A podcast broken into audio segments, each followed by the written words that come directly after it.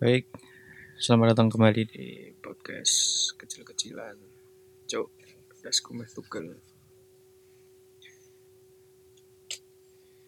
Di sini masih mau bahas soal topik yang udah dibahas sama ribuan orang pintar lain yang ada di luar sana.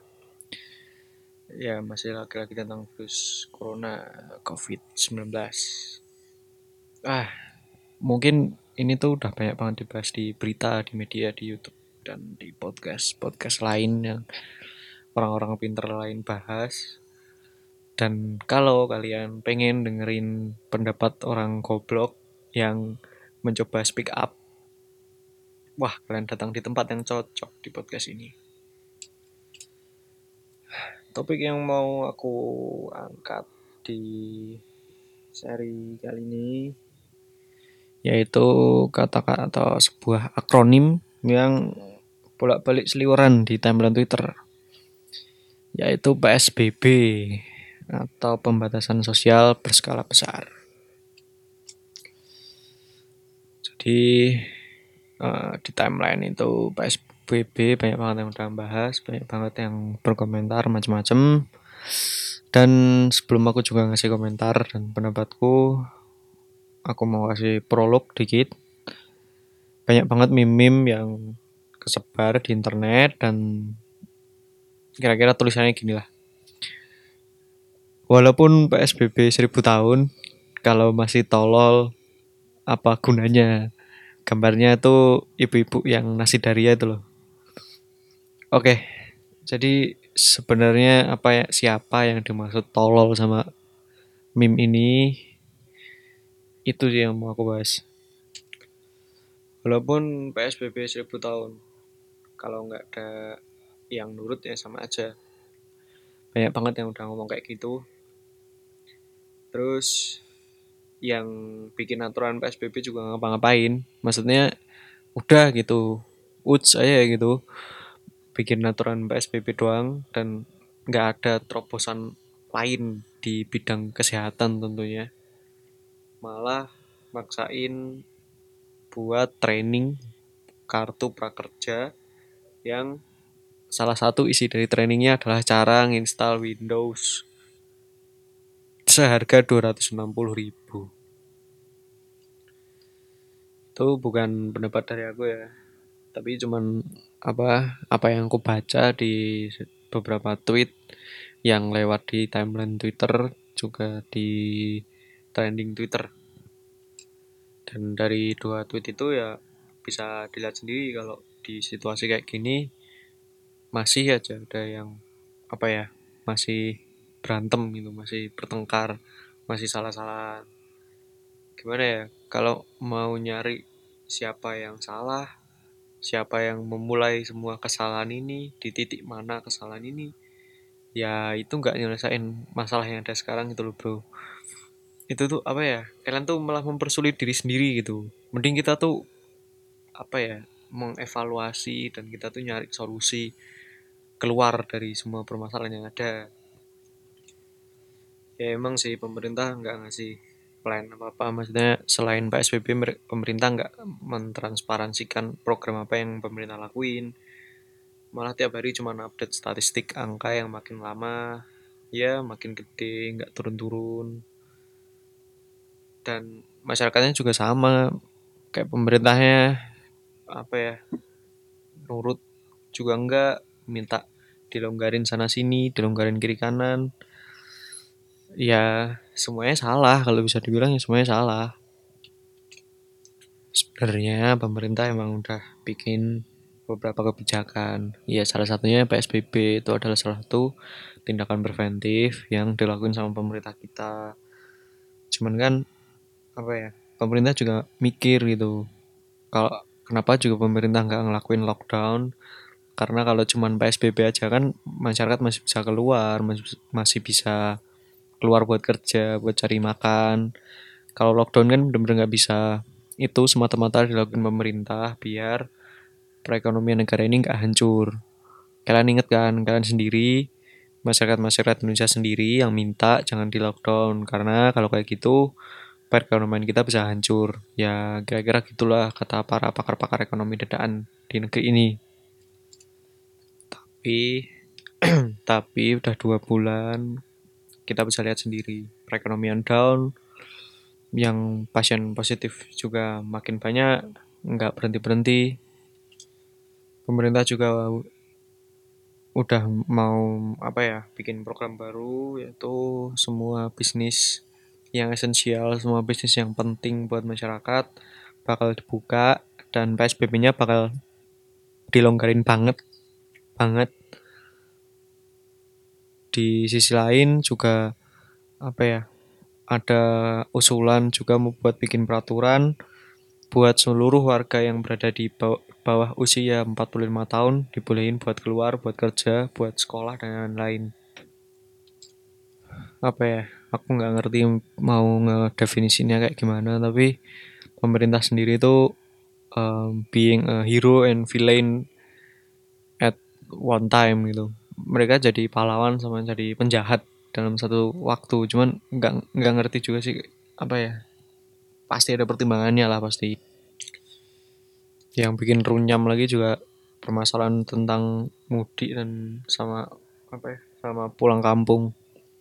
Mudik nggak boleh, tapi pulang kampung boleh. Sebenarnya yang harus kalian tahu adalah mudik dari daerah yang zona merah banget kayak DKI atau Surabaya ke daerah-daerah kecil yang masih zona kuning atau zona merahnya ringan dan pulang kampung yang dimaksud tuh um, pulang kampung kayak misalnya dari sesama daerah gitu apa ya kayak dari Jawa dari Jawa Tengah ke sesama Jawa Tengah dari Jawa Timur ke sama Jawa Timur ya meskipun pasti ada pengecualian-pengecualiannya. Nah, itu. Sebenarnya apa ya ah, yang aku lihat dan aku pikir itu menurutku kalau aku jadi pemerintah sebenarnya pasti sekarang ini pemerintah tuh pasti lagi bingung. Pemerintah pengen ngelakuin banyak banget ini itu punya program ini itu. Rakyatnya juga pengen punya program ini itu tapi semuanya nol. Semuanya nggak dilakuin secara maksimal. Kayak yang aku tadi bilang pemerintah pengen kasus covid ini selesai. Makanya pemerintah bikin PSBB tapi pemerintah juga nggak pengen perekonomian kita hancur. Makanya mereka bikin kasih kelonggaran-kelonggaran biar bisnis bisa jalan tapi nyatanya juga dua-duanya nol kan bisnis down pe, apa pasien corona juga makin tinggi. Ya ini adalah bukti bahwa emang manusia-manusia Indonesia ini lahir nggak buat multitasking. Pemerintah pengen banget buat buat megang apa megang, megang kesehatan rakyatnya sama megang ekonomi rakyatnya. Semuanya semua semua pengen pegang tapi hasilnya nol karena nggak ada yang dilaksanain secara maksimal. Rakyatnya juga sama. Rakyatnya pengen corona tuh hilang. Rakyatnya pengen sembuh. Tapi juga pengen kerja pengen dapat duit. Ya gimana ya? Ya hal-hal itu tuh nggak kalau emang ya sebenarnya bisa. Cuman kalau emang nggak kapasitasnya nggak bisa ya nggak usah dilakuin gitu cari jalan lain. Jangan jangan semua semua pengen dipegang di saat yang bersamaan. Kalau bisa ya totalitas tapi di satu step satu step selesai ganti ke step lainnya. Contohnya ya kayak PSBB kalian udah ngerti sendiri kan apa hasil dari PSBB ini kayak gimana? Sebenarnya kalau menurutku ya kalau emang niat dan pengen bener-bener totalitas udah nggak usah ada PSBB tai-taian lagi lah. Pokoknya langsung lockdown gitu. Lockdown 14 hari atau tiga minggu kayak atau berapa. Tapi kalau seminggu tuh menurutku kurang. Tapi kalau dua minggu ya sosok cukup lah. Dan apa ya itu dua minggu tuh udah gitu. Cukup banget buat ngetes semua pasien ODP sama PDP kalau itu semua dites kan nanti juga yang positif ketahuan. Dan kalau benar-benar lockdown total kan nggak ada lagi tuh orang-orang yang keluar. Dan bener-bener orang-orang tuh pure di dalam rumah. Nggak ada lagi yang yang namanya rantai penyebaran covid itu berlanjut. Sebenarnya secara pribadi sih aku masih sebel ya sama orang-orang yang dulu di awal corona ini ada di Indonesia. Mereka itu nolak adanya lockdown dengan alasan nanti ekonomi runtuh lah nanti orang-orang yang kerja harian gimana nanti rawan PHK lah apalah tai lah tai lah tai lah. Terus akhirnya pemerintah juga dengerin loh. Kebetulan pemerintah dengerin usulan-usulan kalian. Oke kita nggak akan lockdown kita cuma PSBB aja. Jadi orang-orang masih bebas keluar.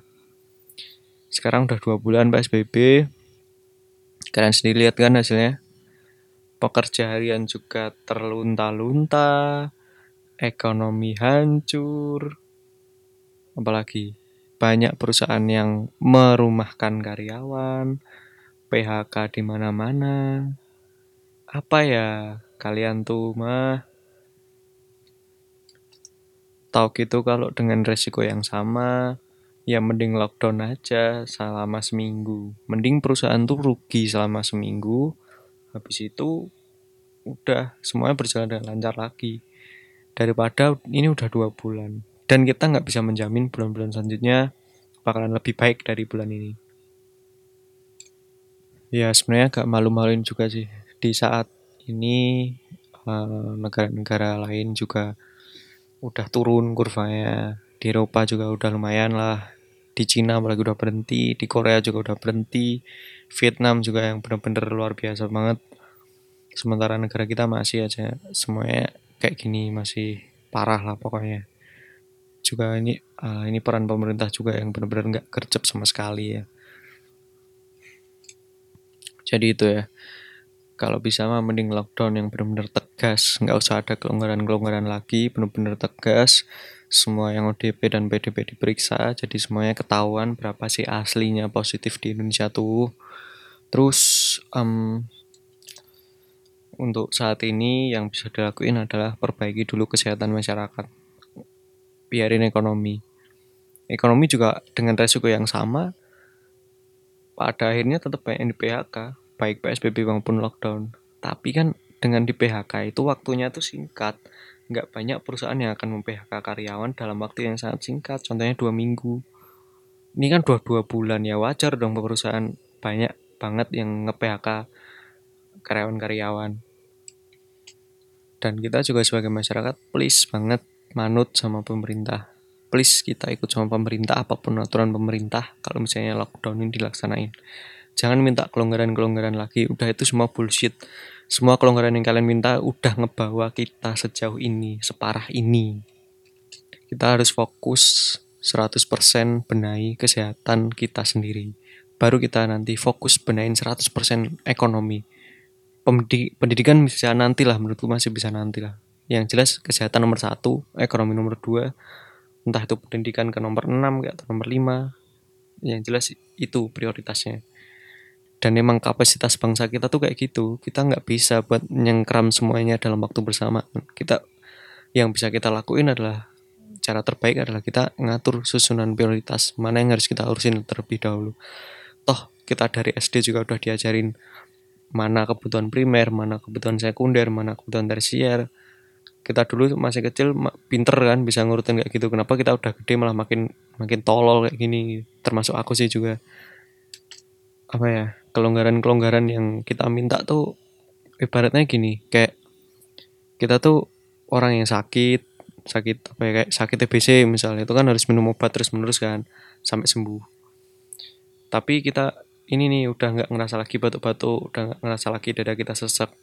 Akhirnya kita udah ngerasa sehat udah deh kita berangkat kerja. Kita putus obat kita nggak minum obat lagi. Akhirnya karena dipaksain kadang-kadang kumat kadang-kadang kumat. Itu gimana tuh? Sering juga kita orang-orang yang sakit kayak teman-teman kita atau kalian-kalian yang pernah sakit terus berobat ke dokter disaranin sama dokter buat istirahat satu minggu tapi hari ketiga kalian udah ngerasa sehat nih kalian belum benar udah ngerasa nggak gejala sakit apa pun kan udahlah aku nggak istirahat lagi aku mau beraktivitas kayak biasa akhirnya kalian kumat di hari ke-6 kalian drop lagi, hari ke-7 kalian drop lagi, sakit lagi. Atau mungkin 10 hari lagi, sebulan lagi kalian sakit lagi. Ya gimana ya? ya sebenarnya nggak salah juga kalian juga mungkin kalian emang ngerasa sehat udah ngerasa sehat dan kalian pengen ngelakuin aktivitas. Contohnya juga orang-orang yang pengen kerja pengen dapat duit pengen cari duit lagi ya nggak salah juga. Cuman kan alangkah lebih baiknya kita menuruti anjuran dokter kan. Beliau yang lebih paham. Bukan kita malah ini kan banyak kan orang-orang di luar sana yang nggak percaya sama dokter malah pergi ke dukun lah apalah sebenarnya sama juga sih kayak kan banyak juga berita-berita um, pasien corona yang kabur dari rumah sakit atau dari tempat karantina. Mereka tuh positif loh. Mereka kabur. Bayangin nggak? Cuman apa yang kita sorot di sini adalah kita selalu nyalain orang-orang yang kabur itu. Kenapa sih mereka nggak mau stay di rumah sakit? Nanti mereka nularin gini itu dan lain-lain lah yang kita nggak ngerti adalah bisa aja mereka itu kabur karena mereka ini tuh pengen kerja pengen hidupin anak istri pengen hidupin keluarga. Sekarang gimana? Kalian juga pengen ekonomi nggak hancur tapi orang-orang yang pengen kerja kalian juga apa ya caci maki karena dia positif. Ya sekarang siapa yang salah? Sekarang siapa yang tolol? Kalau aku sendiri sih ya kalau dibilang salah ya semuanya salah. Ya gitu orang Indonesia mah kalau suruh multitasking nggak bisa. Kita pengen sembuh. Orang yang kena pasien corona itu tadi yang positif corona itu pasti juga beliau pengen sembuh. Tapi beliau juga pengen cari duit. Nah tuh gimana tuh? Nah ini yang harus di diatur ya mindset dari kita semua bahwa kalau emang kita nggak bisa nyengkram semuanya ya kita atur aja prioritas sekarang prioritasnya adalah sembuh dulu. Udah cukup stay dan sembuh. Habis itu baru prioritas kedua gimana caranya nyari penghasilan buat keluarga.